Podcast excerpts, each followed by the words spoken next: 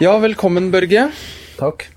Nå sitter vi jo, nå har vi, nå har vi lett etter et litt lydvennlig sted på Lanse, eh, hvor ikke hjelpemotoren sitter og rister oss, eh, stort sånn som den stort sett gjør på andre steder av båten. Nå sitter vi i kosestua vår. Her har du brukt noen timer etter du kom om bord. Ja, her har jeg faktisk klart å gå gjennom alle bildene. Jeg tok jo hvor mange var det da? Litt over 5000 bilder på turen. Og det var så deilig at det kameraet fungerte hele veien. Det er alltid en liten sånn derre bekymring at uh, kameraet svikter, eller noe skjer på uh, minnekort og saker og ting. Da. Men det kameraet som jeg hadde med på den turen her, har jeg hatt i lomma hele tiden. Inni soveposen, på ski, overalt. Og det har funka hele veien, og veldig mye bra bilder. Så nå har jeg fått det ned til 320 av de beste bildene. Wow. Så jeg har liksom gått ned, ned, ned. Jeg lager seleksjoner, da. Begynner selvfølgelig å gå gjennom alle bildene et par ganger for å se hva jeg har for noe. Og så går jeg ned. Så første seleksjon da var jeg ned på 900. Eh, og så andre seleksjon var jeg nede på 500 nå. Og så nå er jeg nede på 320. Og da butter det for meg. Hvor- da klarer, jeg ikke å, da klarer ikke jeg å se så godt, for jeg er jo sånn personlig tilknytta bildene. Altså, så et bilde som jeg syns Wow, det er den kule situasjonen, mens andre vil kanskje bare dumpe av det. Men eh, 320 bra bilder av alle mulige forskjellige situasjoner, da er jeg happy. Hvor, hvor mange av de er av uh, Mike Du- i isen? Alle. Eh, det er mye, mye av Mike. Altså, det, er, det er nesten ikke det eneste bildet av meg. Skulle nesten ikke tro jeg var med på turen hvis du ser gjennom eh, bildene. Men, eh, Det er jo litt sånn det ofte blir, da. Når men to det gjør ikke noe, det. For jeg er Jeg liker å ta bilder. Altså, Jeg er jo ikke noen filmfotograf, og på den turen her så måtte jeg nesten velge. Jeg syns det er veldig vanskelig å kunne være både fotograf og, og film Altså driver med video, da, samtidig. Fordi det blir sånn enten, enten eller. Det blir sånn halvveis hvis du gjør begge deler, for du mister alle de gode motivene begge veier. Mm. Når du skal både ta bilde og film i ja, den samme type situasjon. Da. Så jeg har konsentrert meg om å mm, ta bilder. For det er hovedsakelig det jeg er. Jeg, altså jeg er amatør, selvfølgelig, men av de to tingene så er det det jeg liker best. Da. Og det der øyeblikket, catche det øyeblikket. Det er litt motivasjon. Um, um, og litt sånn men mentale gener for meg personlig også, at jeg hele tiden leter etter motiver. Da ser du mye lettere Wow, dette er vakkert, dette er fint. Se den skruegarden, se den formen. Å, månen, nå kom månen. Altså, du får med deg mye mer når du leter etter motiver. Det er et godt poeng. Kan ikke du fortelle litt om kamera? Hva, hvordan, hvordan, hvorfor valgte du akkurat dette? Det kameraet kjøpte jeg i eh, ja, Det kjøpte jeg i vinter. Det er et Sony eh, RX1 R2, så det er toeren, to- versjon 2 av eh, dette fullformatkameraet til Sony. Um, og når jeg kjøpte det, så sa, sa han karen Oi, her står det 'End Life'. står det. Ja, det betyr at det går ut av produksjon, så tydeligvis er det ikke noe sånn kjempepopulært kamera. Men um, uh, siden vi skulle ut på en tur uh, som var, hvor det var veldig mørkt og lite lys, så måtte jeg ha fullformat. Ja. Ja, og dette er det kanskje det minste fullformatkameraet du får. Leica har en, Sony har en. Um, men Leica, der er så mye sånn knapper og styr og det, det er omtrent like store, da. Men uh, mens dette her kjenner jeg menyen uh, fra før av, fordi jeg har nemlig en som heter RX100. Med et mindre kamera som jeg har brukt veldig masse på turer. Og kjempekjekt lite kamera i lomma. Men, men uh, skal du ta bilder i mørket, så må du ha fullformat, for ellers så får du ikke inn nok lys, rett og slett. Altså. Hvis dette her er måneskinn eller hodelykt eller hva som helst, så, så nordlys f.eks.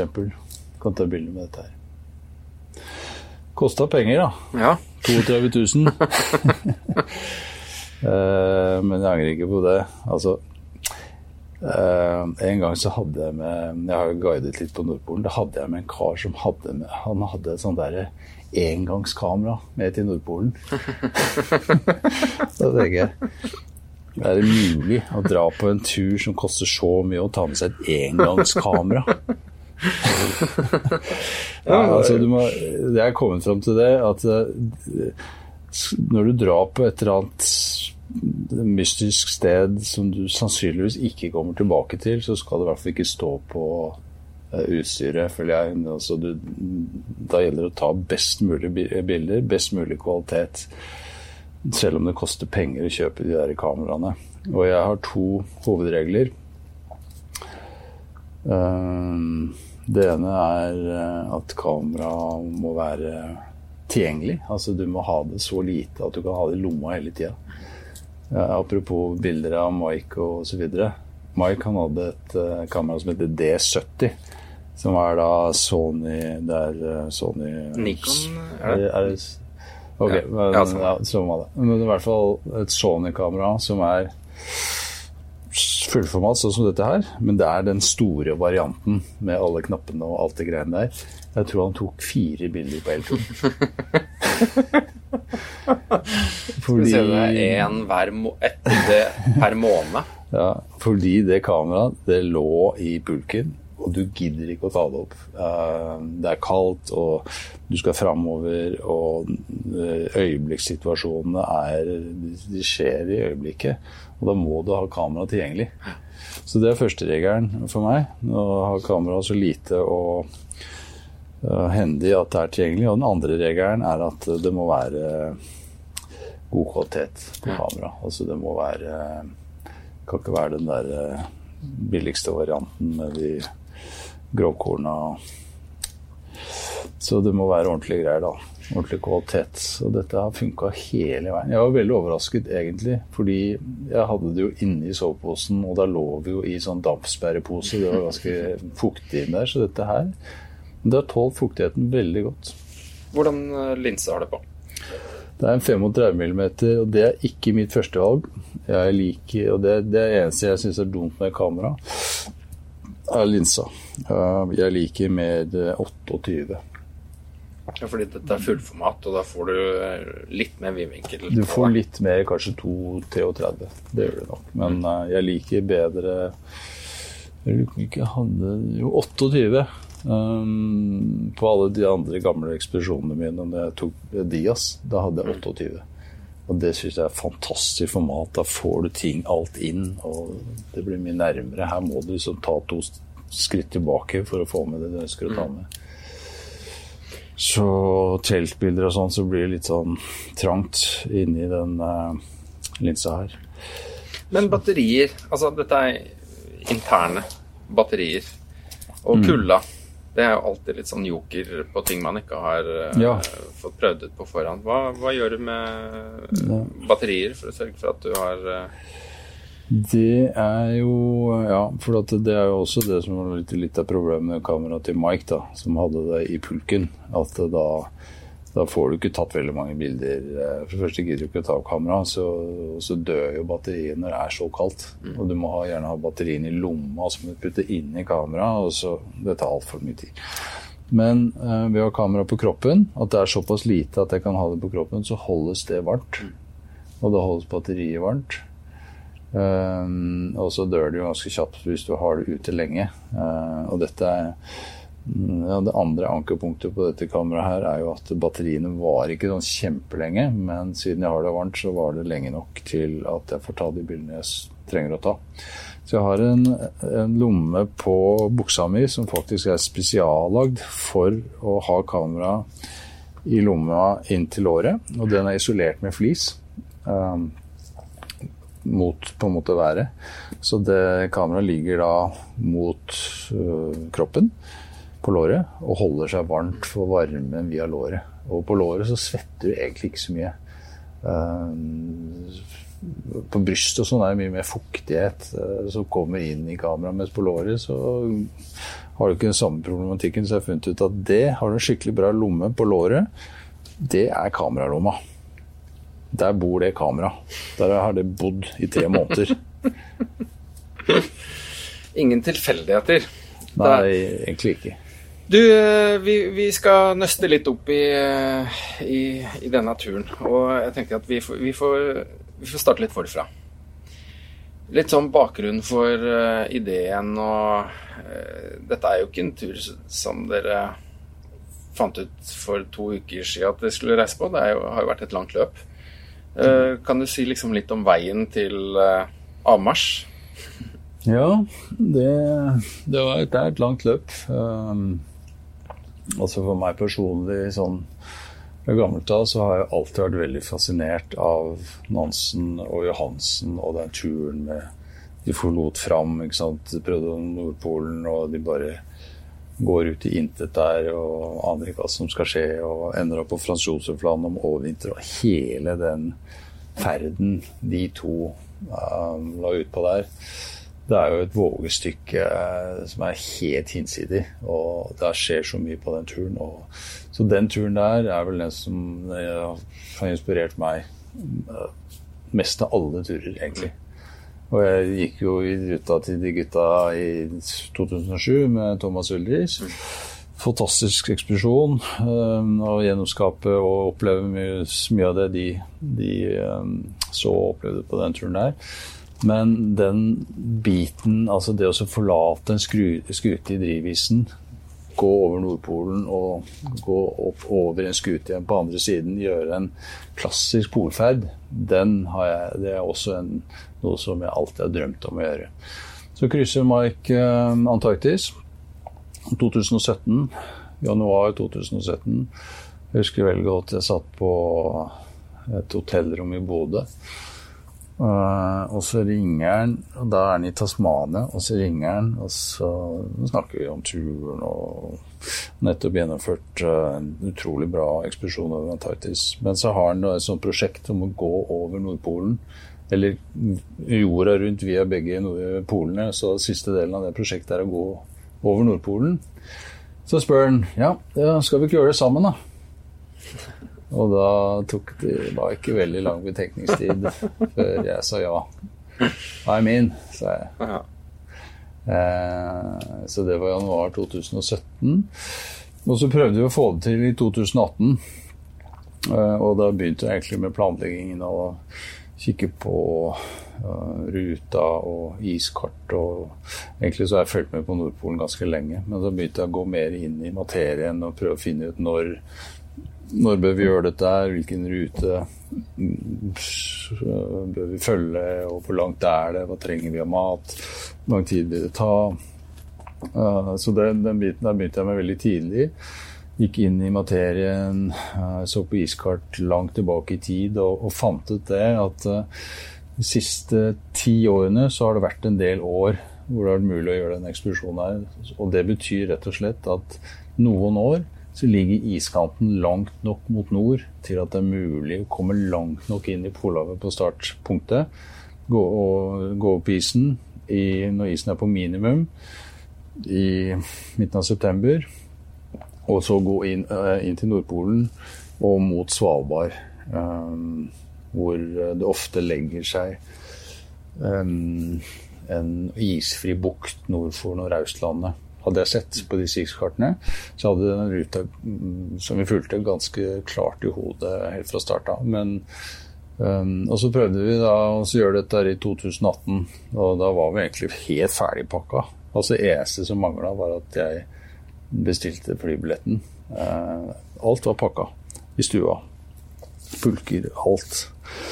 Uh, og mye var allerede sendt over til Nomi Alaska som var liksom startpunktet. Men um, da det året, da var iskanten helt ned på 81 grader. Det var ikke mulig å komme lenger. Så det, 2018 var et av de årene som det ikke ville vært mulig å gjennomføre den turen her. Samtidig så var båten til Mark Han hadde kjørt på grunn med den båten i Sør-Kina-havet. Eh, så den lå på Filippinene og var ikke klar. Så da var jo egentlig avgjørelsen ganske grei, da. Da utsetter vi det til neste år, så ser vi Da lå alt klart i stua i et helt år til året etterpå. Ja, nesten. ja, det havna på lageret. Men uh, det var faktisk ganske klart, da. Uh, allerede i 2018. Og så ble det 2000 Og, og da følte jeg jo veldig spent med på de situasjonene. Jeg har jo da jobbet tett med noe som heter Istjenesten. Norge har faktisk noe som heter Istjenesten, og det er ikke så mange som vet om. Men det er en del av Meteorologisk institutt oppe i Tromsø. Og der sitter det to karer, Nick Huge og Trond Robertsen, og følger med på issituasjonen i nordområdene og lager iskart. Som bl.a. Um, trengs i forbindelse med fiskeflåten og de som holder på nord i Barentshavet og sånne type ting. Og så De har erfaring fra det, og de sitter jo da på alle verktøyene og satellittbildene og kan laste ned det som trengs. Så, um, og de hjalp oss på seilasen rundt Nordpolen mm. i 2010. Så De kjente jeg fra før, hadde møte med dem, og de, jo, de skulle stille opp på det. Så de fulgte veldig nøye med på denne situasjonen her. da.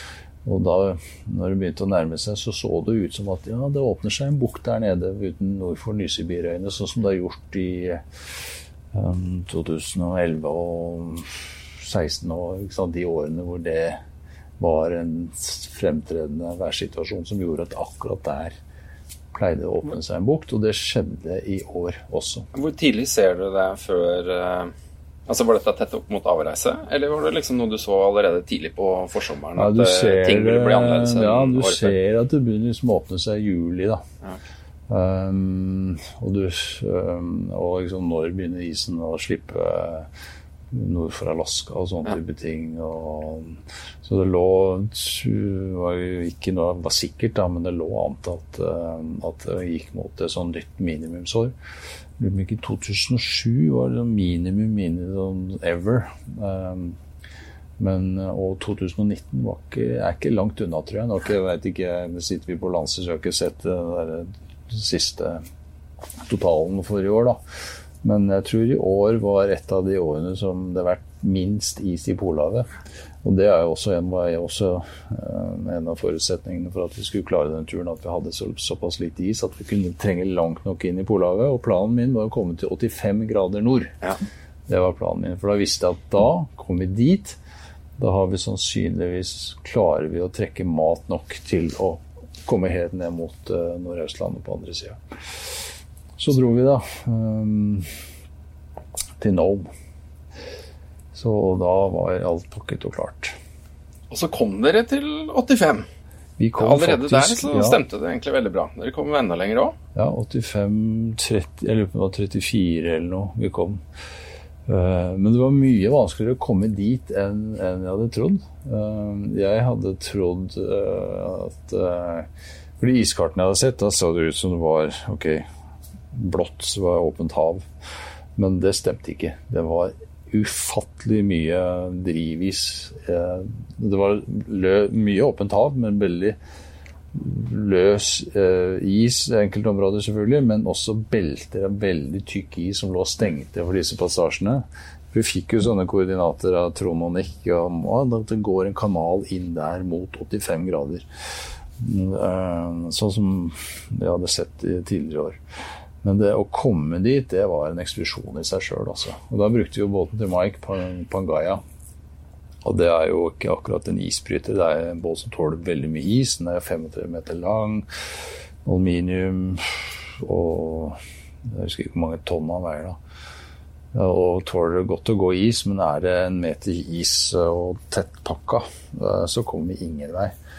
Så det var jo en stund eh, vi bare ble sittende helt fast og måtte eh, vente og prøve å komme ut og finne en annen vei og sånne type ting. Og på et eller annet et punkt som vi følte at eh, nei, nå kommer vi ikke lenger. Nå må vi starte her, på 84,30. Mm. Eh, og jeg var nede i eh, byssa og pakka ekstra mat og greier for at eh, dette kommer til å ta tid. eh, tenkte vi. Men uh, så skulle vi gjøre et forsøk til, og da kom vi faktisk gjennom det beltet og ut i det området som lå enda lenger nord, som var faktisk åpent. Så vi klarte å komme gjennom det beltet og seilte i et sånn mystisk tåkeaktig landskap med litt nyfrosset is og svære råker og isflak som driver rundt omkring. I september, da. Akkurat når sommeren er på hell. Eh, og kom helt opp til 85-34, hvor vi starta fra.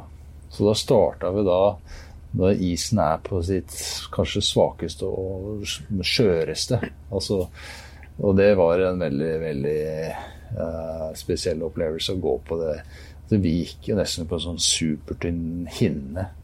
Uh, med masse vann og noen isklumper rundt omkring. Vi, da, vi følte virkelig at vi gikk på havet. Det er jo hav der oppe, men når det er midt på Nordpolen, så er det så mye is at det er nesten som du føler at det er på land. Men der, i starten, de første ukene, var så mye vann rundt oss at uh, ja, vi følte, at, uh, vi følte, oss veldig eksponert. Ja, var det, var det um, Det var jo tydeligvis Det er jo litt annerledes enn det du har vært tidligere. Altså, du har aldri vært oppe i Polhavet på denne tida, og så tidlig på ettersommeren, eller førhøsten, eller hva man skal kalle det. Altså, da, eh, fikk det deg noen, var det noen overraskelser i forhold til isforhold sånn helt i starten? Ja, jeg trodde vel egentlig at uh, Jeg vet ikke om det er noen som har beveget seg opp og Det har jo vært folk som har drevet rundt på båter og sittet stille der oppe, da. Men det er vel ingen som har gått på ski oppi der på den tiden det var og forflyttet seg. Uh, så det som var litt overraskende for meg, var jo at, uh, at alt var så oppstykket som det var, da. Mm. Jeg trodde at man kom til en mer eller mindre fast iskant, og så gikk det over på den, og så gikk det på ski videre. Men det var bare et eh, altså Det var et sånt lappeteppe av is og vann eh, overalt. Og vi plumpa og gikk gjennom. Og, heldigvis så hadde vi jo da, noe som en del av planleggingen på den turen, funnet et superbra system for å uh, krysse disse, alle disse åpne feltene med vann. Og det, er, um, det gjorde vi med å bruke små packraft, eller gummibåter. Og eh, det fungerte bare helt supert. Uten de gummibåtene ville vi aldri klart den turen der. Og det er sånne lette gummibåter. De veier bare 2,5 kilo ca. To meter lange, en meter breie. Og de lå oppå pulkene våre, oppblåst hele tida. Og når vi kom til en råk, eh, og i starten padla vi jo ti-tolv ganger om dagen. Mm. Eh, så et stykke med is, og så er det en råk og så noen svære områder med åpent vann. Altså masse sånne som blanding av is og vann hele veien. Da bare lempa vi de gummibåtene uti. Og som regel så hadde vi pulkene bare hengende etter bak, og de drev fløyt på vannet. Og så padla vi over, og så over på andre sida. Gummibåten tilbake på pulken, gå på ski, ny råk, padle over. Sånn holdt vi på hele tida. Ble varm i trøya da, før eh, kulda kom for alvor, liksom? Ja. ja. så det var jo På starten av den turen her, da var det, da var det jo varmt, egentlig. Det gikk jo uh, hadde til og med solbriller. ja, de blir lagt bort etter hvert. Ja, jeg har dem ennå. For etter hvert så blir jo dagene kortere og kortere. Um, og eh, altså, når jeg fulgte oppdateringen deres, så, så, fikk jeg vel inntrykk av at det meste gikk litt sånn som planlagt. Uh, til og med Nordpolen, uh, vil du si det? Var dere på skjema og havna litt bak, uh, kanskje? Vi var stort sett på skjema helt opp til 89-graden. Da, da begynte det å bytte litt imot. Da Da fikk vi vær imot oss, egentlig. så vi brukte elleve dager på den siste breddegraden, som vanligvis man gjør på fem-seks dager. Da. Og det var vind og vær som var imot oss, og det er jo det som gjør altså, det er så uforutsigbart å gjøre en sånn ekspedisjon til Nordpolen, at du driver med rundt omkring. Du våkner aldri på samme sted som du la deg. Du har drevet et eller annet. Og det er vinden som hovedsakelig gjør at du driver. Så har du vinden imot deg, så driver du bakover. Mm. Og en dag så var det jo litt dårlig vær, og da ble vi liggende inne i teltet og i løpet av det døgnet så dreiv vi over 20 km. Tilbake? Tilbake. Tilbake. Ja, fordi du er, jo, du er jo litt avhengig av uh, Altså, du starter jo på Alaska-sida og skal over ned mot uh, Svalbard, enkelt forklart, for de som ikke ser helt sånn Polhavets uh, kart og akser uh, klar for seg. Men så er det jo altså Drifta skal jo gå litt i, i riktig retning. Ja, det var jo det som var Men det går litt i rykk og napp? Det gjør det. Men det, altså, vi hadde jo regnet inn en viss meddrift, da. Det var en del av planen, rett og slett. At vi i budsjettet kilometerbudsjettet, mm. så hadde vi regnet inn Jeg husker ikke om det var tre eller fire kilometer per dag i meddrift, men uh, for å kunne klare turen og, da, da, regner det ut hvor mange dager da trenger vi å ta med. Um, og uh, vi tok med mat for 85 dager. Og utgangspunktet um, med 3-4 km drift, så bør det være ganske greit innafor med det du um, vanligvis klarer å gå da, mm. i tillegg per dag. Ehm, men eh, Og Nansen var jo han som egentlig da fant ut at det var en strøm som gikk over Bolav, og dreiv jo over der med fram. Det går jo en strøm over der, da. Og det er jo andre som er drevet over der seinere. Så vi skulle egentlig ha vinden, jeg mener driften i ryggen, men det er vinden som avgjør. Og hvis du har værsystemer et år som fremtredende vindretninger som ikke går helt riktig i forhold til det, så havner du ganske så fort eh, etter skjemaet. Og det gjorde jo vi. Og det begynte jo like før Nordpolen, egentlig. Så hadde vi noen dager med meddrift, og så snudde været igjen. Så vi hadde veldig mye eh, drift, motdrift, altså rett og slett feil vei. Så mm, vi tenkte vel som så at ok, dette her dette ser ikke veldig bra ut. Og var jo Ja, tvilen kom snikende. Eh, og dette her kommer aldri til å gå bra. Men uh, det som jeg har lært meg, er jo at det spiller jo egentlig ikke noen rolle hvor du er dag uh, 50 eller 60. Det som spiller noen rolle, er hvor du er når du er tom for mat. Og mm. da er jo litt av hemmeligheten å holde fast ved planen, holde fast ved rutiner, som aldri gir seg. Og det gjorde vi jo ikke på den turen her heller, selv om vi innerst inne følte at, uh, at vi kanskje ikke kunne klare det pga. at vi hadde ja, forholdene imot oss, rett og slett. Da. Men vi holdt fast ved rutinene, holdt fast ved, ved planen og, og, sto på. Og, og når vi til slutt kom i mål, og når vi traff deg og Bengt ute på isen der, og det bare var to dager igjen, da, da var det plutselig innafor rekkevidde likevel. Og vi avsluttet jo med jeg tror jeg hadde 340 gram mat igjen og en halv flaske fuel når vi kom om bord i båten. Ja, det var helt sprøtt. Det var helt sprøtt. Vi skal ta, vi skal ta den eh, Ja, vi skal ta det. Vi må prate litt om den avslutninga der. Det var jo en, eh, en, en, stor opplevelse. Men jeg tenker sånn eh, Når du ser turen under ett um, hvor, hvilken del av turen er litt sånn mest krevende? Dette diskuterte vi litt på forhånd, og jeg har litt kjent litt på det sjøl. Altså, starten er jo litt sånn, fordi da, jo, da er man jo gira. Man er jo Dere forlot jo båten og utfordringer, men du er liksom fremdeles Alt er åpent. Og så kommer den midtdelen hvor det er sånn klassisk Det er litt lenge siden man starta, og lenge til mål. Mm. Eh, og så har du finalen, da, som liksom Motivasjonen kanskje buster litt igjen. Men inni alt dette så har du jo den derre Det er jo driftspørsmålet som kanskje Er det det som setter størst eh, sånn preg på humør, trivsel, motivasjon, troa underveis? Ja, ja det er vel kanskje det. Men, um, men, men jeg er helt enig. Altså, det er jo en sånn midtperiode hvor du du har vært ute lenge, og så er det fremdeles veldig langt igjen. Eh, da, da kjenner jo også jeg på at motivasjonen kan butte litt, og kjenne litt på ja, en sånn håpløshet som kommer sigende. At uh, fy faen, jeg har brukt så lang tid på et sånt uh, idiotprosjekt som dette her, som, så, så, kommer vi ikke til å lykkes. ikke sant? Og du kjenner på den biten der. Hvorfor sitter jeg her oppe uh, i et kaldt polhav og kjemper meg fram på en tur som er nesten sånn dømt til å mislykkes, mens familien min går hjemme og det mye annet jeg kunne gjort den kjenner du på der og da. Særlig i den der midtperioden når det er langt igjen og ting butter litt. da. Så det må jeg innrømme. At det er en del av det hele, eh, rett og slett. da. Tvilen. Men eh, så har jeg en sånn innebygd stahet i meg, da. Eh, Stahet er en ganske sånn altså undervurdert egenskap, egentlig. Ja, i hvert fall her oppe. ja. Det, så den staheten den har hjulpet meg mange ganger til å nå målet.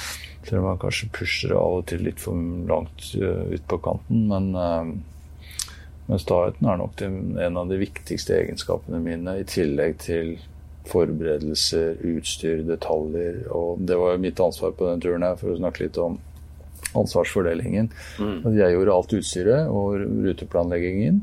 Og så hadde Mike eh, tok ansvar for båten Pangaya, som er den båten som han, han har brukt de siste 10-15 årene på masse ekspedisjoner rundt omkring i, i verden. Da. Så det var arbeidsfordelingen, da. Så, så detaljer på utstyr og, og erfaring, ikke minst. da, så Mike og jeg vi gikk jo til Nordpolen sammen i 2006. Mm. Og uten den turen der, hvor vi uh, uh, gjorde en vintertur til Nordpolen og, og fant ut uh, hvordan det funker der oppe i mørketida, hva man egentlig trenger å ha med for å klare seg. Uten den erfaringen som vi til sammen har, så, så ville det ikke vært mulig å gjennomføre den turen her. Nei, det var jo eh, Det ble plutselig da en oppvarmingstur, det, da. Eh, det var jo en krevende tur i seg sjøl, men fantastisk erfaringsgrunnlag. Ja. Men var det, var det ting som dere eh, valgte å endre mye på fra den turen? Altså som, som ble da liksom viktig? Underlag for å ta noen nye beslutninger for en enda mer krevende tur? Det eneste vi endra på, var den gummibåten. Uh, og jeg visste at den turen vi skulle nå ut på her nå, den kommer til å bli mye mer uh, altså amfibie med vann. At vi måtte ha en, måtte en, effektiv løsning. Effektiv og trygg løsning for å forsere råker. Og på den første turen i 2000, uh, 2006 så svømte vi over alle råkene. Og vi svømte jo eh, kanskje et par-tre ganger eh, om dagen, i hvert fall i starten. Men det er mye eh, mer tungvint og, mye mer slitsomt å svømme over åker. Så jeg lagde en sånn svømmedrakt. Den brukte jeg første gang på den soloturen i 2001. Men på de turene som går sånn januar, mars-april, da, det er Polhavet mye mer frosset og dekt av is. Um, du har alltid noe å gå på. Mens på den turen her, hvor vi starta fra en iskant i et veldig løst, uh, sammenhengende polhav uh, med utrolig mye vann imellom, da måtte vi være mye mye mer effektive for å komme over, komme over vann og råker og tynn is. Mm. Og da uh, valgte jeg den løsningen med packrafts. Og det fungerte jo bare kjempebra. Så det er den største endringen. Og vi brukte faktisk ikke svømmedrakta en eneste gang til å svømme på den turen. Vi hadde det med. Og jeg trodde at vi kom til å bruke det mye mer, men det viste seg at de der gummibåtene var bare så effektive, og de kunne vi padle med. Var det tynn is, så brukte vi dem til å pigge over åker. Og var det masse sånn slush og isklumper og alt mulig rart, så klarte du likevel å jokke deg framover og sitte oppi den der gymbåten og dytte litt med staver og sånne ting. Så, så, slapp du liksom å gå inn i den drakta og ta på den og av med den og bakse rundt. Så det var veldig, veldig mye mer effektivt. Jeg tenker jo, Du og Mike, eh, med de erfaringene man gjorde forrige gang altså Det er noe med å Man kan kjenne hverandre eh, godt eller ikke godt, men å dra på tur sammen, det er jo det er jo liksom et nytt kapittel. Altså, eh, i, i, forhold til sånn to kompiser som skal på en langtur sammen, hva vil, du, hva vil, du, foreslå at man prater om på forhånd? Hva bør man liksom tune seg inn på? Hva er de viktigste tinga som bør klikke av litt sånn praktisk og, og gjennomføringsmessig art? Mm. Eh, det viktigste er nok at man har samme forståelse av målet, tror jeg. At man har samme drive og motivasjon. Fordi at uh, på sånne svære, vanskelige turer så er det alltid sånne korsveier at det blir litt uenigheter og sånne ting. Men hvis man har samme drive og samme, samme mål, så, så, sklir det mye lettere. Uh, og, uh, og, da har man også samme type motivasjon for å komme fram. Fordi de er så ekstreme, de turene som vi snakker om her. At, at det er det er hardt å dra lasset for to. Du har nok med deg sjøl. Du må liksom vite at kompisen din At dere er på samme lag hele veien. Eh, og da går det mye lettere, altså, hvis man har det samme utgangspunktet for det. Det er jo kanskje noe av det aller viktigste. Og så, så kjente jo jeg Mark ganske godt siden vi hadde gått, gjort den turen i 2006. Så jeg visste jo hva jeg gikk til, og visste, visste litt hva som uh, ble forventet av meg, og, og, hva jeg skulle fokusere på. Da. Så Ja, for er ikke liksom det Jeg tenker det derre eh, Du sa det jo akkurat. Det å vite hva du går til. Altså Man trenger jo ikke å være enig om alt. Eh, man trenger jo ikke å klikke på absolutt alt, men det å vite hva man har å forholde seg til, det er jo en sånn da Da har man jo egentlig rydda rydda bordet mye på plass, og, og enklere å kanskje mm.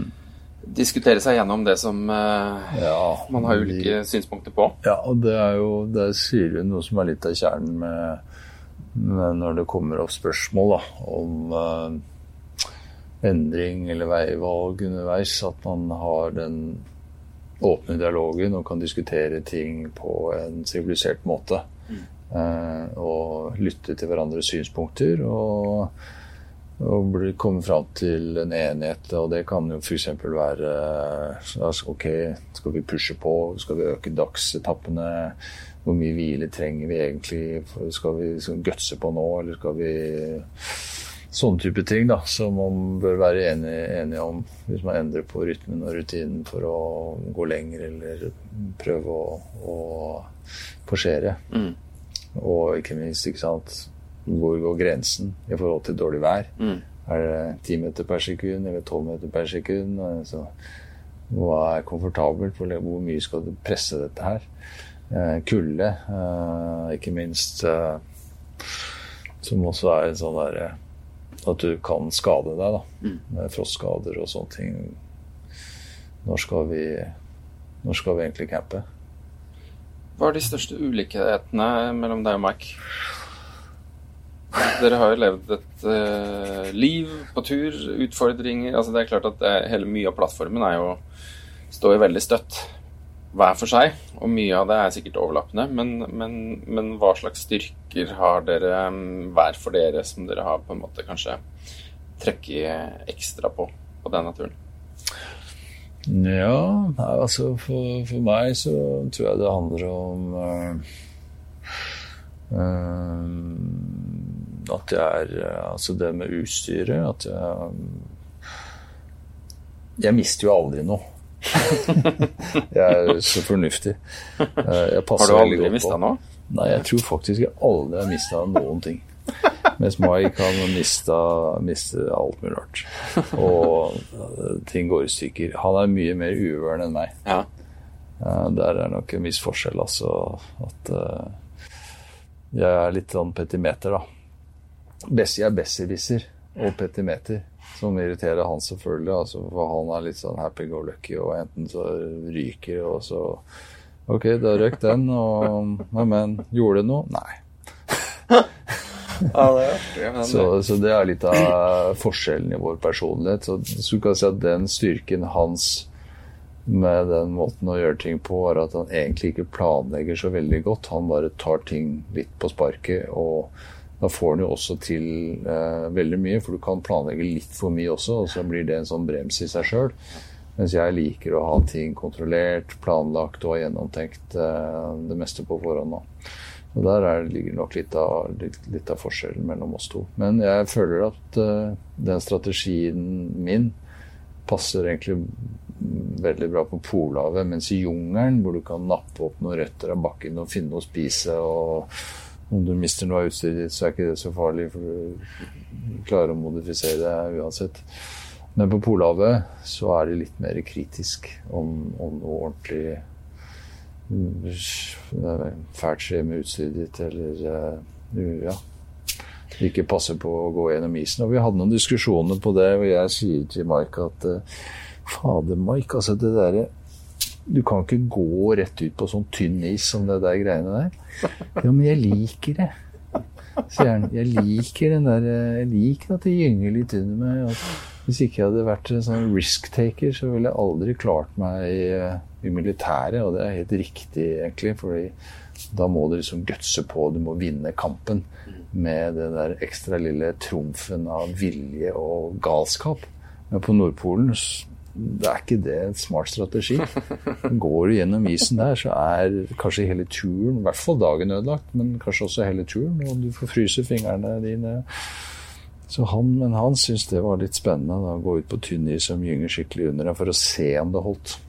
Det holdt jo ganske lenge, da. Det holdt nesten helt i mål. Det er ehm, eh, Altså, noe av det første Mike eh, Eller en av historiene han fortalte når han kom tilbake, det var at eh, når dere satt og så eh, lagde frokost eller middag eller hva det var, og så helte man over i kopper og, og sånne ting, og hvis du da Hvis du mista en smule så satt han og fulgte med den smula helt til du kikka bort, og så var han bortpå og tok den. Merka du aldri det? Nei, det merka jeg ikke. Ikke. Nei, ja, men eh, vi var jo sultne. Altså, vi ble ganske sultne på turen. Jeg tror ikke det var mange smuler som gikk unna, eller som, jeg, som unnslapp oppmerksomheten min. Men Kan eh, du, kan du dra oss raskt gjennom sånn mat, matplanen? Altså, hva spiser man, ja. hvor mye, når? Hva spiser man underveis, liksom? Ja, ja så det, mat er jo kjempeviktig. Og den mat, de matrasjonene går helt tilbake til 1990. Eh, hvis, har du tid til at jeg drar den Ja, ja. de lange linjen her? Ja, god, god tid, vi. Ja, fordi eh, Erling Skag og Geir Rambo og jeg skulle til Nordpolen i 1990. Så var det også jeg som da sto for veldig mye av utstyret og maten. Uh, og da Det var liksom ikke så lett å finne ut hva skal man ha med på sånne type turer. Og da gikk jo Det var en sånn karbohydratbølge som skyllet over landet. og som det som var gjengs. da. Men hvis du ser på kaloritabellene, så ser du det at fett inneholder mye mer energi enn karbohydrater og proteiner. Så da gikk jeg inn i materien og, og snakket med øh, Det var egentlig to personer som var viktige i forhold til det. Det var Halvor Holm, som jobbet på Ernæringsinstituttet på Blindern. Og så var det som heter Oppstad i Forsvaret, eh, som jobbet med ernæring i, eh, i Forsvaret. Og de to eh, lente jeg meg mye på. og, og vi var skjønt enige om at eh, det gjelder å ha fettnivået så høyt som mulig, så høyt som kroppen klarer å ta opp, rett og slett. Og fordi det er ikke sprint vi skal løpe, det er det der lange, seige draget som går over 8-10 timer, og da har kroppen tid til å forbrenne fett. Eh, og du får mye mer energi ut av fett enn karbohydrater. Dobbelt så mye, faktisk. Eh, så da gjaldt det å legge seg så tett opp til det kroppen klarte å, å, å ta imot, og blande den fettet inn i alle måltidene. Og på, i 1990 så hadde vi til og med spesiallagd sjokolade med ekstra mye fett fra Nidar Bergen i Trondheim. Og frokost og alt og lunsj var bare pakka. Eh, nå har jeg gått litt ned på fettnivået siden den gang, for det det ble litt for mye. Jeg tror vi var oppe i 65 av energien fra fett. Ja, nå ligger jeg ned på 55. Så jeg har funnet ut at det Da klarer kroppen, kroppen å ta opp det. Uh, Så det var samme, det er, men det er samme mal som jeg har brukt siden 1990 hele veien oppover. Det betyr frokost. Da lager jeg en sånn egen havregrøtblanding med havregryn eh, og brunt sukker har jeg oppi der. Og så har jeg fløtepulver istedenfor tørrmelk, for det er fløtepulver inni. Jeg trøff. jeg, f- det er, der er jeg i hvert fall oppi 50% fett. Og så bruker jeg eh, soya eller raps eller solsikkeolje, i hvert fall en, en type matolje som jeg blander opp i maten for å få opp energinivået. Så det er frokosten, og den er helt fantastisk god. Den har ikke endra seg siden Den har aldri endra seg. eh, og så er det lunsj, og da Den har heller ikke endra seg, egentlig, eh, siden 1990. Og det er jo eh, noe av det samme. Jeg lager bare en sånn kakedeig med eh, havregryn, og så har jeg eh, frysetørket eh, frukt av forskjellige typer slag. Det er rosiner, det er mango, det er aprikos. Jeg har vel også hatt litt sånn papaya og sånne ting, men jeg tror ikke jeg hadde det nå. Uh, og det maler jeg opp. eh, i en sånn kjøtthakke, så det blir bare sånn bitte små biter. Og en av grunnene til det er at da kroppen Det er nesten sånn ferdig fordøyd i små biter. Det er lettere for kroppen å ta opp. Nansen brukte jo nå det samme. Han brukte kjøttpulver. Altså det var jo tørket kjøtt som var malt opp, og da får det en veldig mye finere konsistens og nesten sånn barnegrøtaktig lett for kroppen å ta opp. Eh, Så lunsjen inneholdt da havregryn og så dette er eh, tørket eh, frukt. Og så nøtter av forskjellig type. Slik at man har litt forskjellige smaker i løpet av dagen. Du har mandler og rosin, og du har kanskje aprikos og valnøtter og mac- macadamia nuts av meg. Det er jo virkelig Det er de som har høyest fettprosent. Det er godt, det. Det er godt, det. Um, og alt dette her frysetørker jeg. Selv havregrynen frysetørker. fuktigheten. Ja, for da kommer det faktisk fra Og veldig mye av dette handler jo, det vet jo du, da, at det handler om å få ned vekta mest mulig. Uh, havregryn inneholder 8 uh, fuktighet. Og når du frystørker, så får du den ned til 4 så du sparer jo en del gram på det, faktisk. Får en del mer energi. Og det vakuumpakker jeg, og alt dette her gjør jeg i Norge. Jeg har pleid å låne et storkjøkken oppå Skytta. eh, som har alt det utstyret der, og vakuumpakkermaskiner og alt mulig rart. Um, og så har jeg masse sjokolade, og det bruker jeg melkerull fra Freia. Og det er jo Det er så godt. Oh. og du kan nesten ikke få nok sjokolade, altså.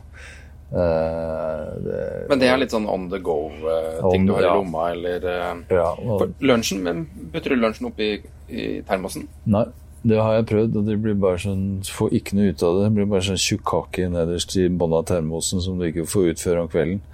Så det er helt bortkasta. Så den spiser vi underveis, og knekker med Gir den en deng med spaden hvis den blir for hard.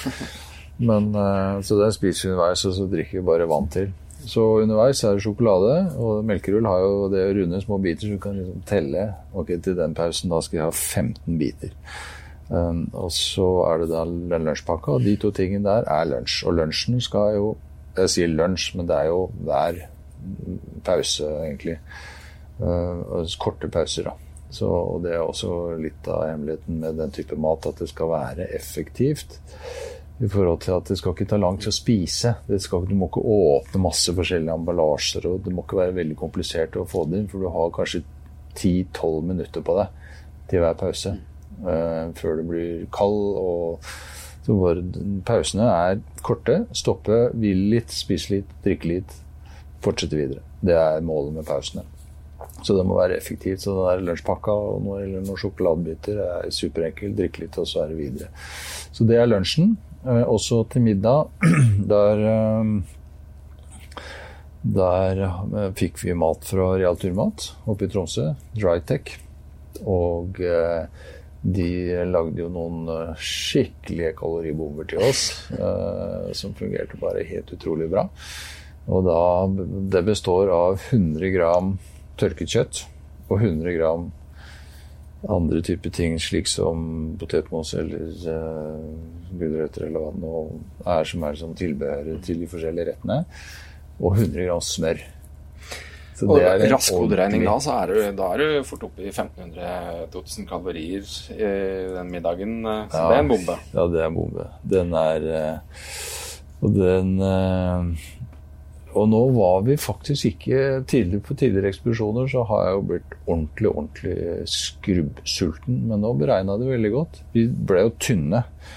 Altså Jeg var sjokkert når jeg så meg i speilet når jeg kom om bord i båten. Det var ikke et gram fett igjen på kroppen. Men vi ble ikke så sultne som jeg har blitt tidligere. Altså, så jeg tror vi beregna veldig godt. Og det er jo også en grense hvor mye kroppen egentlig klarer å fordøye i løpet av en dag, og samtidig ha en viss progresjon. Så jeg tror vi, lå, jeg tror vi traff veldig, veldig riktig på den turen her. Ja, det tenker jeg at eh, det der kampen mot sulten er jo noe som kan begynne å spise mye av eh, huet og mentalet. og det å liksom Ja. å være konstant sulten. Eh, Noe som jeg trodde var helt uunngåelig på så lange turer. Ja. Så jeg ble veldig overraska når du sa at nei, det er egentlig ikke så Vi er ikke så sultne. Nei, jeg var faktisk positivt overraska sjøl, for jeg grua meg til den biten der fordi jeg har vært, jeg har vært der. Jeg har vært jeg har vært så sulten at det eneste du klarer å tenke på, er restaurantbesøk og masse Og når du kommer hjem, da da skal du begynne på kokkeskole, og nei, det er ikke måte på du, hva du skal begynne med. Når, og alt handler om mat. Altså, det sirkulerer den ene godbiten av, i huet med forskjellige typer retter hele veien. Og det er jo slitsomt, og du, du får ikke sove om natta, for du våkner og er sulten. Uh, og så gleder du deg til frokost, men så veit du at frokosten uh, den er faktisk ikke nok til å gjøre deg ordentlig mett. Så det, det blir sånn evig kamp mot sulten. Så det slapp vi nå. Hvor mange melkerull gikk det i løpet av eh, turen? To. To per dag. Kunne nesten hatt en til, altså. Da Bengt og jeg pakka mat uh, for å ha med reserver ut, uh, så satt vi der med noen kasser med, med melkerull, og så vurderte vi liksom eh, hvor, hvor, hvor begeistra blir disse folka for å ha med mer av det de har spist i tre måneder. Men vi konkluderte med, med at det går vel med hvis de vil ha. Ah, ja. Nei, det blir aldri lei melker. Det er veldig bra. Altså, hvor, hvor ligger liksom oppturene og nedturene i løpet av en dag? Altså, sånn, hva, er, hva er verst, Ja. og hvor er liksom den store gulroten? Og når koser man seg, og når hater man? Ja, det er litt rart det der med sånn hvor, det, hvor enkel man blir i huet på en sånn type ekspedisjon. Eh, For i løpet av en, en, Altså, alle dager har jo oppturer og nedturer, og de er jo nesten konstante. Det er det samme hver dag. Så du, det verste, for å begynne med det, det er den Altså de eh, Hvor lang tid tar det? Den eh, halvtimen det tar også å komme seg ut av soveposen og få på skoa. Den er kjip. Er, I hvert fall når det er kaldt. Altså ut av den der klamme posen, og så ta på deg den iskalde, frosne anorakken som du har drevet børsta fri for i kvelden før, men du klarer jo aldri å få alt, så det er jo isbelagt veldig mye av det. Få på den. Og så skal disse stakkars føttene inn i disse iskalde, frosne skoene som eh, står lagra ute i forteltet. Og så skal du på do og eksponere fingrene dine enda mer. Og alt den der prosessen der, det er det verste. Når du først har fått på det der, alt det kittet ditt og utstyret ditt, og står der og skal gå, begynne å gå på ski, så er det helt greit. Da er det, liksom, da er det greit, da er det glemt. Men den der biten fra soveposen til du er på skia, det er det verste. Hvor lang, hvor lang tid tar, prøver dere liksom å skvise den eh, ned til så lite som mulig? Eller er det litt sånn kaffe og Nei. liten uh, peptalk før man går ut, og litt kos på morgenen også? Det er litt kos på morgenen, så alt er fryd og gammen helt til kaffen er opptrukket. Og så begynner kampen. Eh, Så vi står jo opp da Vi hadde jo da mm, Klokka ringte. Det var jeg som var ansvarlig for å holde tiden. Mike visste jo aldri hva klokka var, selv om han er sponsa av klokkeprodusent. Men eh, jeg hadde heldigvis kontroll på tiden. Så, så um, når den ringte, da eh, Da var det å si fra til Mike. Jepp. Good morning, Mike. Uh, welcome to a new day. Og så fyrte jeg på primusen for å få vannet, snøsmeltingen, i gang så fort som mulig, for det tar ganske lang tid. Uh, vi smelta jo i hvert fall ni ja, Vi var i hvert fall ni liter per dag.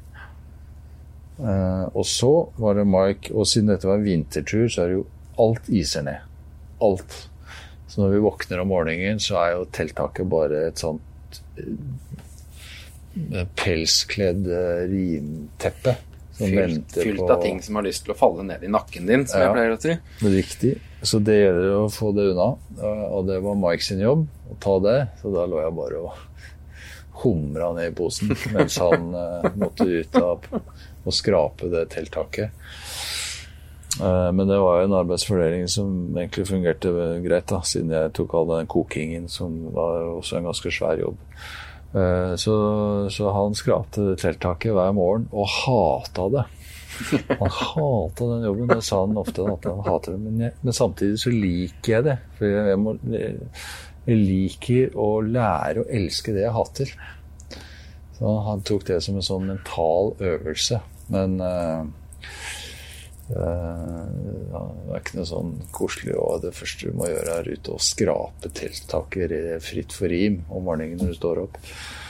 Og så var det da å få den, når gryta kokte, å få dette deilige varme vannet opp i frokostbøtta og få frokosten ferdig. Og så hadde vi jo heldigvis med disse her sittestolene våre i teltet. Og det er jo en forbedring av teltlivet, syns jeg. Særlig i min alder, å kunne i stedet for å måtte hele tida sånn ligge og halvveis uh, sitte krokrygga. At man kan ta og spenne seg opp uh, en litt sånn stiv teltstol. Uh, bare for å forklare hva det er. Du vet jo hva det er, men det er jo altså en sånn Nesten som Det blir jo en del av liggeunderlaget, egentlig. Liggeunderlaget ligger jo inni en sånn ramme Eh, som har noen sånne stive spiler. Og så når du skal spise frokost, så klipser du på et par remmer og strammer dette her opp, sånn at det blir en stol. Sånn at du sitter faktisk behagelig i teltet inni soveposen din med et sånn ryggstø. Og det er jo superdeilig, for da sitter du godt. Det er jo sånne, det er ting man ikke tenker over på kanskje kortere turer, men det er noe det man savner mest på lange turer, det er den ryggstøtten av og til ja. i teltet. Så det er jo Nei, så dere er aldri på tur lenger uten den der sittestolen. Det er fantastisk. Trekking chair, jeg lurer på om det kalles. Ja. Så vi satt da i soveposen og um, koste oss med frokosten. Og da Vi hadde jo da soveposer uten glidelås. Det er jo ingen som, nesten ingen som lager det lenger, tror jeg. Men Helsport de hadde jo lagd det til oss, da. Og det er mye varmere uten glidelås. Men det blir jo en litt sånn annen fasong på det.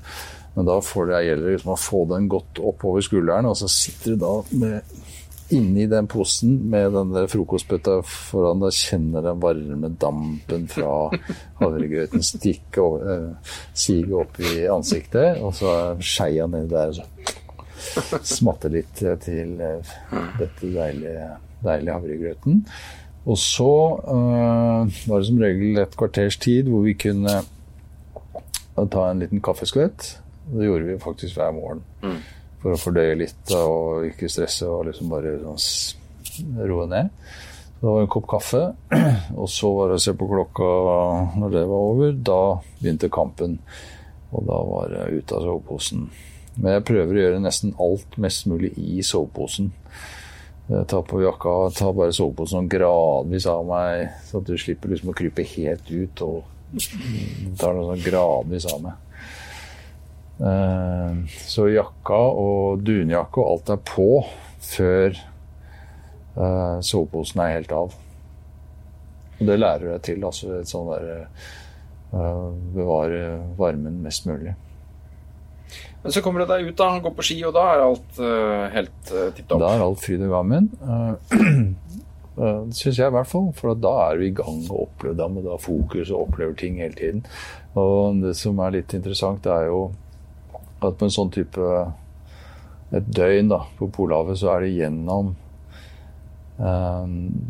den hele den mentale øvelsen som det er å ikke tenke på noen ting om kvelden, eh, for da skal kroppen hvile og slappe av og bygge seg opp til neste dag, til eh, å være 100 til stede i løpet av marsjen for å håndtere det som skjer og dukker opp foran deg. Og det er en del av det å, å lykkes også, tror jeg. fordi hvis du hele tida går og bekymrer deg for hva som skjer mm. foran deg, og hvor langt det er igjen, hvor kaldt det blir og så blir du utbrent. Så du må på en måte ha den egenskapen og kunne glemme deg selv litt på en sånn type ekspedisjon, føler jeg. Og det er jo også det, ikke sant, at uh, om morgenen så, så, er det jo jævlig, men den beste tiden er jo om kvelden. Og om kvelden så tenker du ikke på hvor jævlig det kommer til å bli om tolv timer når du står opp. Du bare er mye mer der og da og koser deg. Så det beste øyeblikket på dagen, det er når du kommer inn teltet, lukker den glidelåsen. Og da sa jeg hver gang til Mike Now we're closing the door to day 62, for eksempel. Det sa jeg hver gang. 62, 63 Og så var det inn i teltet, og så begynner jeg å få på primusen. Få litt grann lunk i teltet. Og det var også litt av planleggingen med den turen her. At du hadde nok fuel, no, to primuser, da, og nok fuel til å fyre litt ekstra. Siden altså sånne vinterturer så er en evig kamp mot uh, fuktigheten. Og det eneste varmekilden du har i tillegg til din egen kropp, er jo mm. brennstoffet ditt. da. Så vi pleide å ha på, ha på litt ekstra primus med en gang vi kom inn i teltet, bare for å få den der lille ekstra lunken uh, når vi begynte å ta oss uh, klærne og skoene og sånne ting. Da begynner det en sånn timeslang prosess med å børste ting fritt for rim som har isa ned i løpet av dagen. Da. Med klær og ja, sko og alt. Men får du, øh, får du tørka noe, liksom? Altså Når du får børsta den ned, du får jo tørka litt sånne enkle småting. Uh, ja, vi, du får jo aldri ting Du får jo ikke ting helt tørt, men så lenge du klarer å beholde en viss uh, kontinuitet, bare sånn at det ikke blir verre, da er det greit. Mm. Eh, så, så, har du gode rutiner på det og klarer å holde et sånn stabilt eh, system, da, kan, da spiller det ingen rolle. Da kan være der om du er to uker eller tre måneder. Det har ingenting å si så lenge du finner fram til stabile, gode rutiner som funker over tid. Da. Men det eneste vi gjorde som, for å tørke, var at vi hang opp vottene i taket. Uh, og det, hvis du henger opp vottene sånn rett opp og ned i taket, mm og primusen under, så tørker de egentlig veldig fort. Og det var, Siden vi hadde på primusen uansett for å få litt lunk inn i teltet, så pleide vi å være, være kjappe med å henge opp vottene. Og da hadde vi jo tørre votter til dagen etter, og det var en kjempedeilig luksus. Hvor, hvor er vi på sånn drivstoffbudsjett? Drivstoffbudsjettet i starten så brukte vi 0,45 per dag eh, liter på begge to. Og på slutten så var vi på 0,8. Husker du hva Nansen og Johansen hadde? Nansen og Johansen de hadde jo nesten ingenting. Det var 0,2. 0,19. Ja. Ganske, ganske ja. imponerende. Ja, utrolig imponerende. Ja, det husker jeg var imponert over. Uh, at de brukte så lite. Nei, Vi hadde med litt ekstra uh, nettopp for å kunne ha den der lille kosen. og og varmen i teltet også fordi Mike har jo hatt Han har jo kuttet av litt av tommerne sine tidligere og uh, sliter med frostskader på fingrene sine. På vinterturen i 2006 så fikk han jo da frostskader på begge tomlene. Og det samme skjedde nå. Og det gikk infeksjon i det, og det ble masse greier. Uh, så det er alt å ha, prøve å ha kontroll på det ved å fyre litt ekstra. Mm. Vi skal, vi, vi, vi skal, dra oss litt over mot, um, mot den andre uh, delen av turen. Uh, hvordan var det fra etter Nordpolen fram mot liksom siste del? Altså det på, på dag seks, på en oppdatering på dag 60, så, så husker jeg du beskrev situasjonen som en litt miserabel tilværelse. da, da, da, er vi kanskje inne i en sånn del av turen som er ganske krevende. Når du begynte å se at uh, det var kanskje da det ble mer uh, motdrift og havna litt lenger bak skjema osv. Ja, men det kan Jeg tror nok jeg sikter til mer at uh, den der kampen det er å holde seg i live, nærmest, uh, i sånne type temperaturer uh, vinterstid. Altså, det er jo mørkt. Helt mørkt. Uh, når det gikk av måne, og vi skrudde av de der hodelyktene bare for moro skyld det, det var, Vi så jo hverandre ikke engang. Altså, er, du lever i en sånn zombietilværelse hvor alt handler om det som er i umiddelbar nærhet 10-15 meter rundt deg. Så det, derfor er, var det jo en Og føltes også ganske sånn ekstremt. Og, og når det var lange perioder hvor det var en, kaldere enn 30 minus, og så blir det sånn det, Den kampen Du føler at ok, nå er vi var midt i en sånn derre kamp som eh, var veldig slitsom. Det, så det, det slet på kroppene våre, det slet på humøret. Uh, og vi kjente at dette her er en sånn kamp som ikke Den kan ikke vare så veldig mye lenger mm. før uh, vi kommer til å få problemer. Og så var det kanskje mer det jeg refererte til, at, uh, at det var en ganske sånn miserabel livssituasjon å bo i. Mm. dag ut og dag inn. 24 timer i døgnet. Tror jeg. Mer enn, mer enn det å komme fram, ikke komme fram. Det er mer sånn filosofisk uh, overordna spørsmål. Men det daglige kampen der, den er ganske nådesløs på en sånn vintertur. Jeg husker ikke helt hvilken dag det var, men da begynner vi å nærme oss, nærme oss slutten. Dere hadde jo muligheter for å Eller dere fikk jo en mulighet for å helikopteruthenting. Eh, og vi satt jo hjemme og, og, og, fulgte med og var litt sånn spent på eh, prosessen.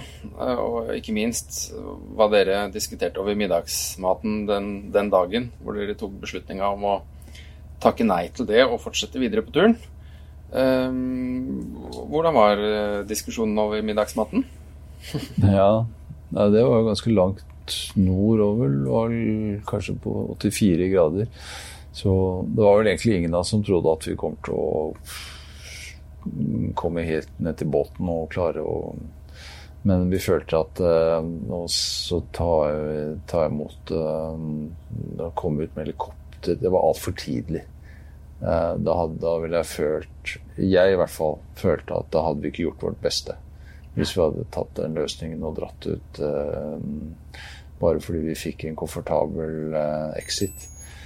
Så, um, så, vi valgte å si nei til det rett og slett fordi at uh, Ok, kanskje vi ikke klarer det, men det er for tidlig. Vi har ikke gjort vårt beste hvis vi går ut nå.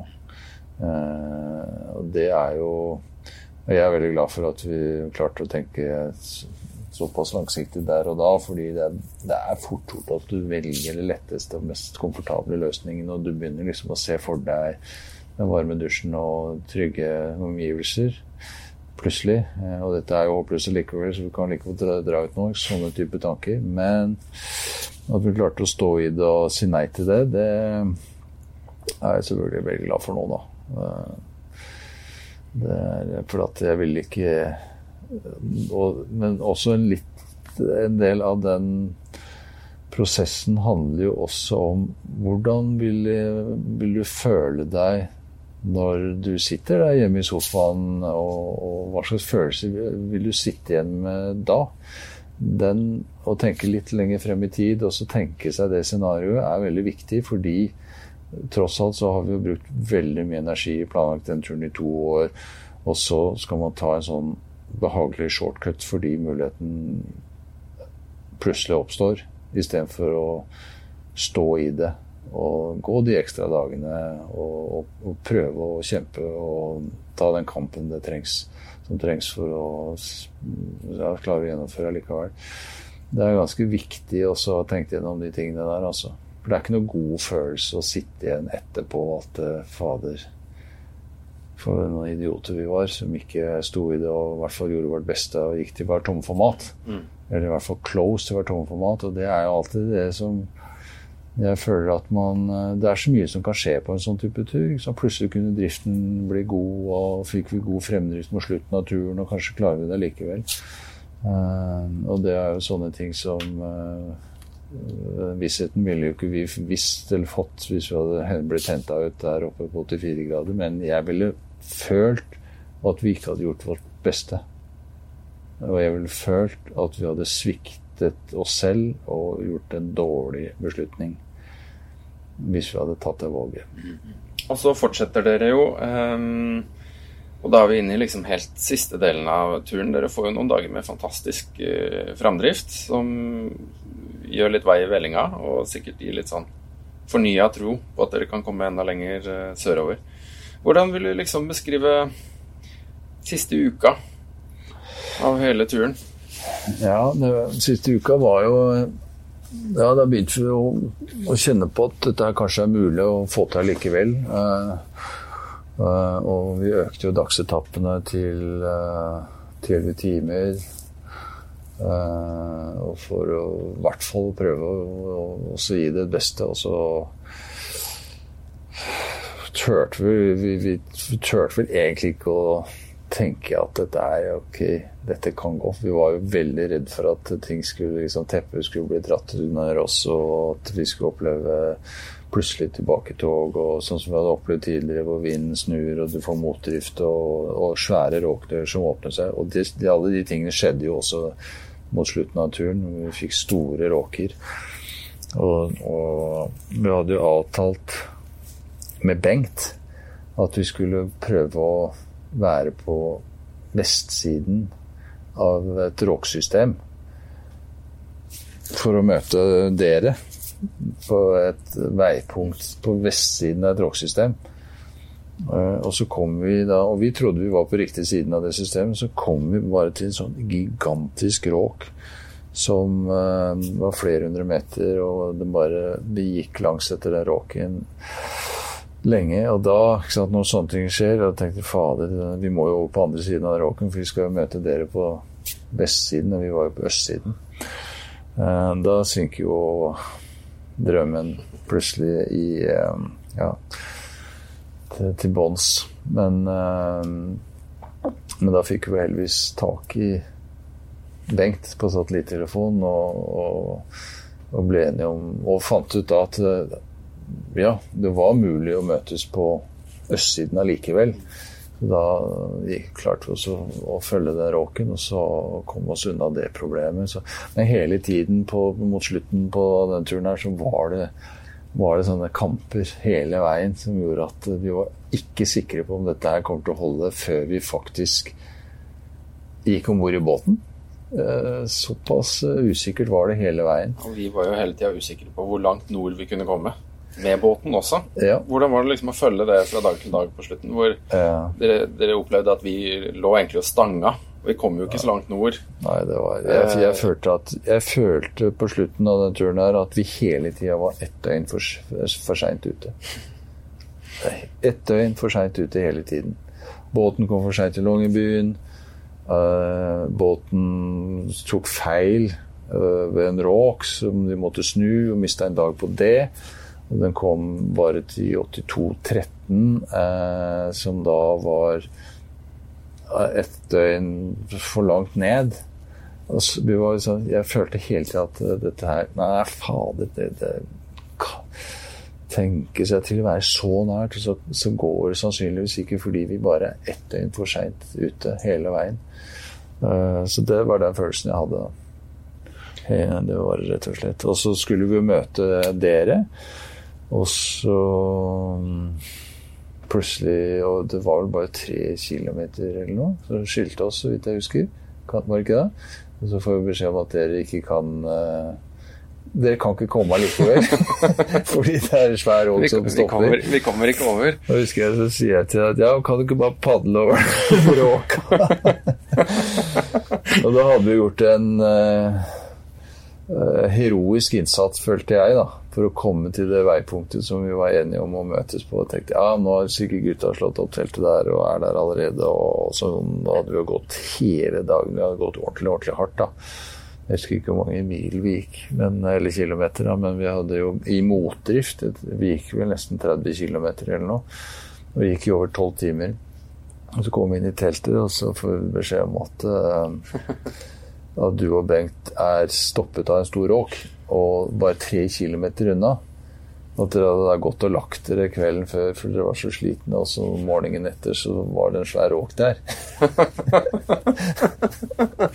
ja, det var jo Altså, vi, det, vi, ble, vi ble jæslig imponert over den eh, dagsetappa dere hadde der. fordi da, da, spiste dere så mye at eh, Og vi gikk og stampa litt. Vi, vi var litt på tynn is, bokstavelig talt, og gikk oss litt bort og havna jo inn i noe sånn derre eh, noen greier vi rett og slett ikke egentlig klarte å navigere oss eh, ut av. Eh, og så stanga vi jo i denne råka, som i begynnelsen var jo egentlig ganske sånn tynn og overkommelig. Eh, ja, for det var snakk om bare 20 meter, var det ikke det? Ja, når vi, når vi kom til den første gang. og da, da campa jo vi på den sida. Vi tenkte vi skal jo over på den sida. Ja, men det var jo helt riktig, fordi da måtte dere krysse den råken to ganger i stedet for at vi og vi måtte jo krysse den én gang uansett, så det var helt riktig tenkt at det var bedre at vi kom til dere enn at dere kom til oss. Så det var helt riktig. Så ligger vi der da, på hver vår side av denne råka og prøver å prate litt på satellittelefon, koordinere litt og, og fram og tilbake. Og, og, til slutt så ser vi jo lysa deres uh, på andre sida av råka. og og, og, vi står der og begynner å lure på hvorfor i all verden dere driver og setter camp rett ved vannet.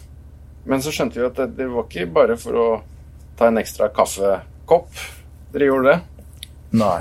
Eh, men, det må jeg bare fortelle først, fordi vi hadde jo avtalt da med, med dere at, at, når vi kom til, når det var to kilometer igjen, eller noe sånt, så skulle vi sende melding at nå er det to kilometer igjen. Og, og uh, så skulle dere sende opp uh, signalpistolskudd og lyse med jevne mellomrom. Og da husker jeg når vi kom bortover der, og så sendte jeg melding om at det var to Og jeg tror jeg akkurat trykket på knappen, og nå, nå er det to kilometer igjen. Og så ser jeg lyset uh, av lommelykten som plutselig da lyser opp i horisonten. Uh, omtrent litt lenger vest da, for den retningen. Det, vi hadde jo gått mot et veipunkt, men det var vind fra øst. Og da blir jo isen dytta vestover. Så det veipunktet flytter Det flytta seg nesten en kilometer i timen, så mye mm. tror jeg dere drev. Så det, da, så vi det lyset et stykke lenger vest fra den kursen falt. Men det var det første lys, tegn til mennesker som vi hadde sett på nesten tre måneder. Vi så ikke et eneste fly. Og det er jo et av de få stedene i verden hvor det ikke er flytrafikk. Det er over Nordpolen. Så det var, det var, et stort øyeblikk å se det, det blinket fra den lommelykta. Eh, det var en ordentlig boost, rett og slett. Så vi da var jo veldig, helt gira. Det, det, er jo nettopp det du sier, at vi drifter jo så mye. Altså, du kan ikke egentlig sende hverandre waypoints eller GPS-koordinater og så gå på det. fordi at før du egentlig har begynt å fått spent på deg pulken og begynt å gå, så har du drifta så mye at vinkelen kan jo bli helt feil. Så det er liksom to bevegelige mål som skal treffe hverandre mm. ute i en veldig mørk og svart hverdag. Ja. Fylt med litt ymse råker. ja, det, er, litt sånn krevende, krevende date på, på, isen. Ekstrem eh, ja, øvelse, det akkurat det, det greiene der, da. Men når vi så det lyset, visste vi jo hvor det var hen. Og da gikk vi jo selvfølgelig mot, mot dere. Og så kom vi da mot mot det lyset. Og så ser vi jo bare at det er jo gigantisk råk. Dere snakka om 20 meter. Men ok, så begynner vi å gå ned mot den der eh, kanten av den råken, og så sier jeg til Mike stopp her nå, for nå, dette her, nå må jeg filme litt. Og så tar jeg et uh, lite sånn termisk kamera uh, for å kunne se råker. Uh, og det, det, det kameraet, bare forklare hva det gjør, da. Eh, det, det, les, det leser temperaturforskjeller. Da.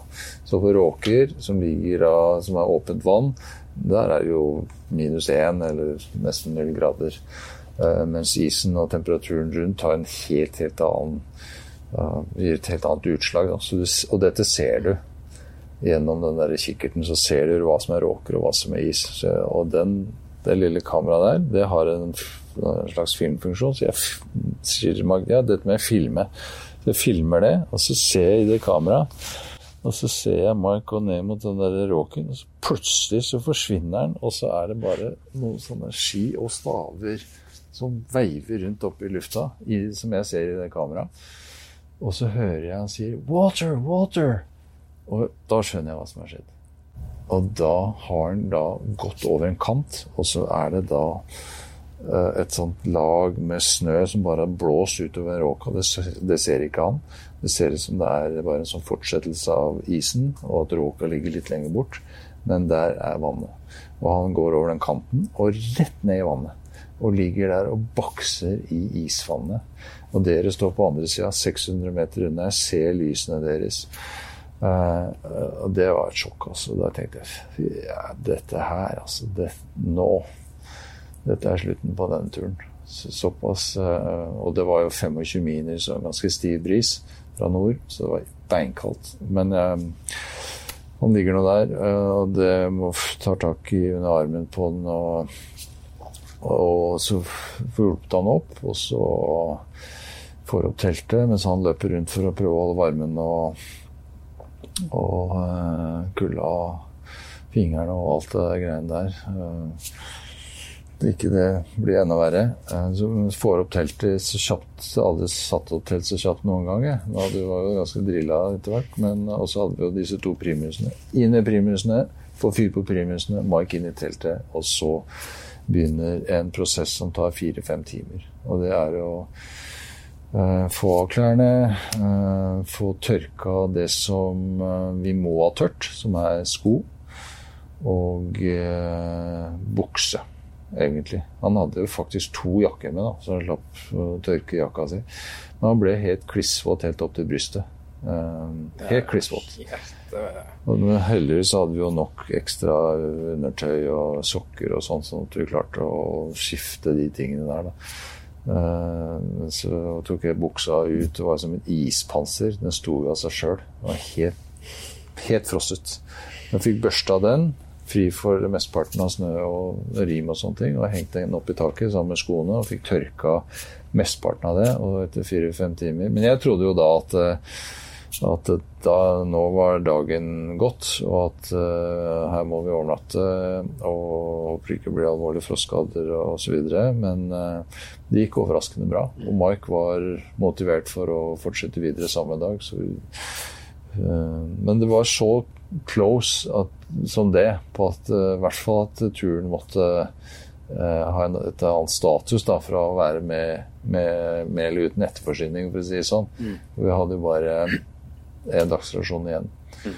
Så hadde vi måttet overnatte der. Så hadde vi måttet ta imot hjelp, som det heter, og spise av deres rasjoner i stedet mm. for å klare oss med det vi hadde med uh, fra start.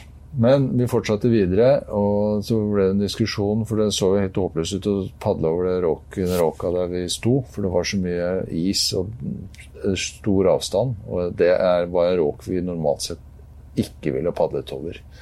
Fordi det, det var så helt uh, ja, uforutsigbart ut å være midt utpå der. Så ble vi enige om å gå østover, og så gikk vi østover. For da kunne jeg se i det termiske kameraet mitt at det så ut som den råka lukka seg mot østover. Og disse råkene endrer seg jo veldig mye i løpet av kort tid ofte, hvis det er litt uh, fart i isen. Og det hadde jo da forskjøvet seg litt sånn parallelt. Så gikk vi østover, kom ut på en sånn slags tynn tunge som gikk utover der. Og da fant vi et lite gap på uh, tror jeg bare 20 meter eller noe sånt. Og så ser vi jo også dere komme fra andre siden og klare å finne en overgang til mot det samme området som vi var. Og det var et stort øyeblikk altså, ja, var, når vi så var, dere eh, sto der. Vi fulgte jo, jo, dere på andre sida oppover, og så så vi, vi, vi lyste framover. Så begynte, begynte isen å skråne litt og litt innover. Vi bare, det, det bare hoppa inn i oss og bare tenkte å, det må gå, det må lukkes. Og så ble det litt mer sånn tjafs, eh, litt sånn usikkert igjen. Og så så vi at det skrånte enda mer, ikke sant. Og da var vi ganske elektriske. Da, da øyna vi håp, altså. Ja. Jeg så jo dere i det termiske kameraet. Så jo, de kommer, de kommer! dette er overgangen. Og vi var jo veldig redd for at dette her skulle bare være en, en liten en overgang til en øy eller noe sånt. Noe, at det var svære områder med åpent vann bak. Men så, jeg så i det termiske kameraet at dette så ut som det var hel ved. Eh, og så ser vi at dere går litt fram og tilbake og tydeligvis finner en vei over mot den, eh, den andre siden, som var da bare eh, 20 meter et gap over en liten rock. Da De kommer, vi er på rett sted. Da var vi gira, altså. Og eh, så pigger vi over, da. Da bruker vi den eh, metoden som vi har brukt tidligere på tynn is, og finner noen isflater som hele det går, kan det gå, Vi kunne ikke gått på ski over den råka, men ved å sitte i gummibåten og ha Eh, pulken hengende etter oss, så sitter vi da og pigger over tynn is. Eh, og det var jo sånn vi kom over da, over til dere. Mm. Mike gjør jo det først fordi jeg hadde masse tau ute, å, fordi jeg trodde vi måtte bruke tau for å trekke pulken over etterpå. Men, men så fant, eh, fant, vi noe tynn is som vi kunne pigge på isteden en veldig spesiell eh, gjenforening. Og ja. lykkelig og emosjonell og rørende. Og det, det, det, lå liksom så mye i det der øyeblikket. Altså, bare på de dagene vi hadde vært på isen, så, så hadde vi bygd opp en sånn, sånn, spenningsnivå om dette her skulle gå, om vi kunne klare det, om vi kunne treffe. Og, og så var det liksom den ene nedturen etter den andre. Det tok jo ikke slutt. Uh, og så fikk vi jo meldinga fra dere på andre sida om at Mike hadde vært ute og svømt. Har kontroll, skriver du liksom på slutten, og det var veldig betryggende. Men, men det var liksom bare det var det ene etter det andre. Så det var Det, det pika liksom når det endelig fikk en uh, lykkelig slutt så langt. Uh, at vi uh, i hvert fall hadde funnet hverandre og kunne begynne turen mot båten.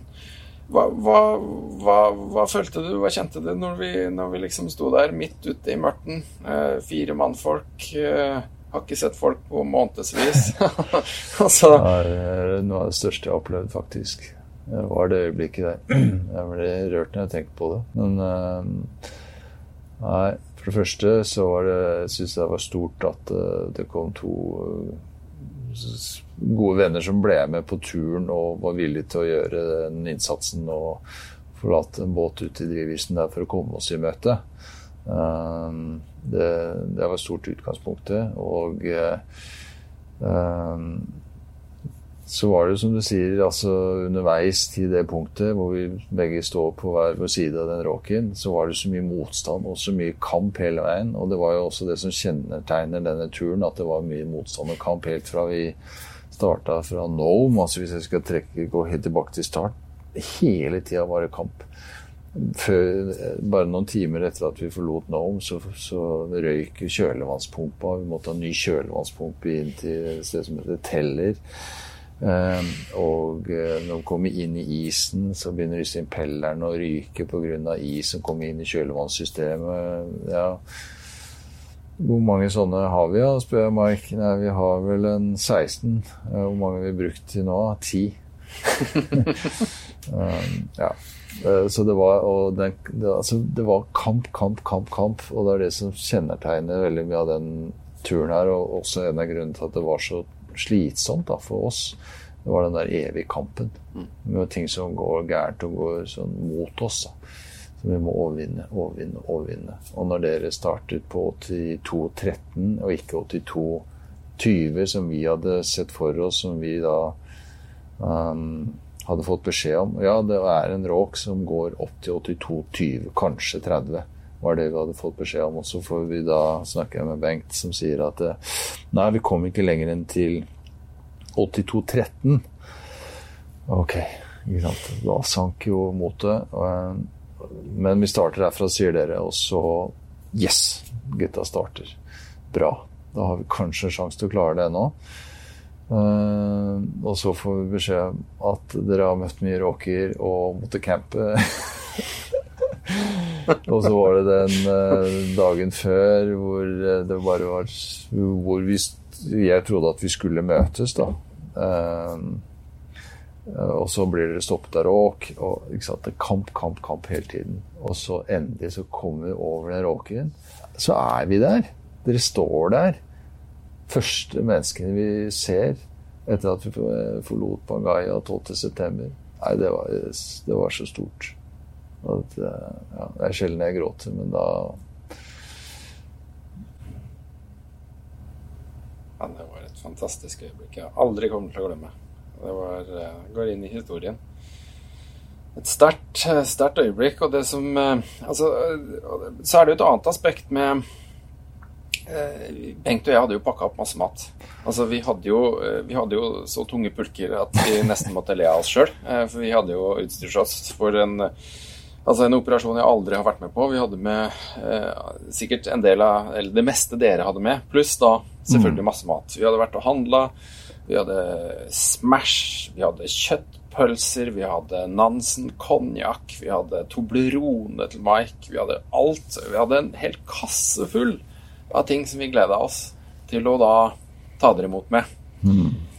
Og så, og så sier du litt sånn Nei, vi får vel klare oss Vi har så vi kan klare oss uh, ja, ja. ut dagen, liksom. Jeg hadde litt dårlig samvittighet for akkurat den, den tingen der, da. Men, men, det er sånn Altså um, Denne turen her, den hadde jo en plan A, og så hadde den en plan B og en plan C. Og uh, sånn er det. På sånne type ekspedisjoner så har man gjerne en plan A og B og kanskje C. Sånn som, det, sånn som det var før i tiden òg. Og før i tiden så var det noen ekspedisjoner som var forsinket, så sendte man ut et, uh, eh, noen for oss å se etter dem og ta dem imot og, og møte dem, da.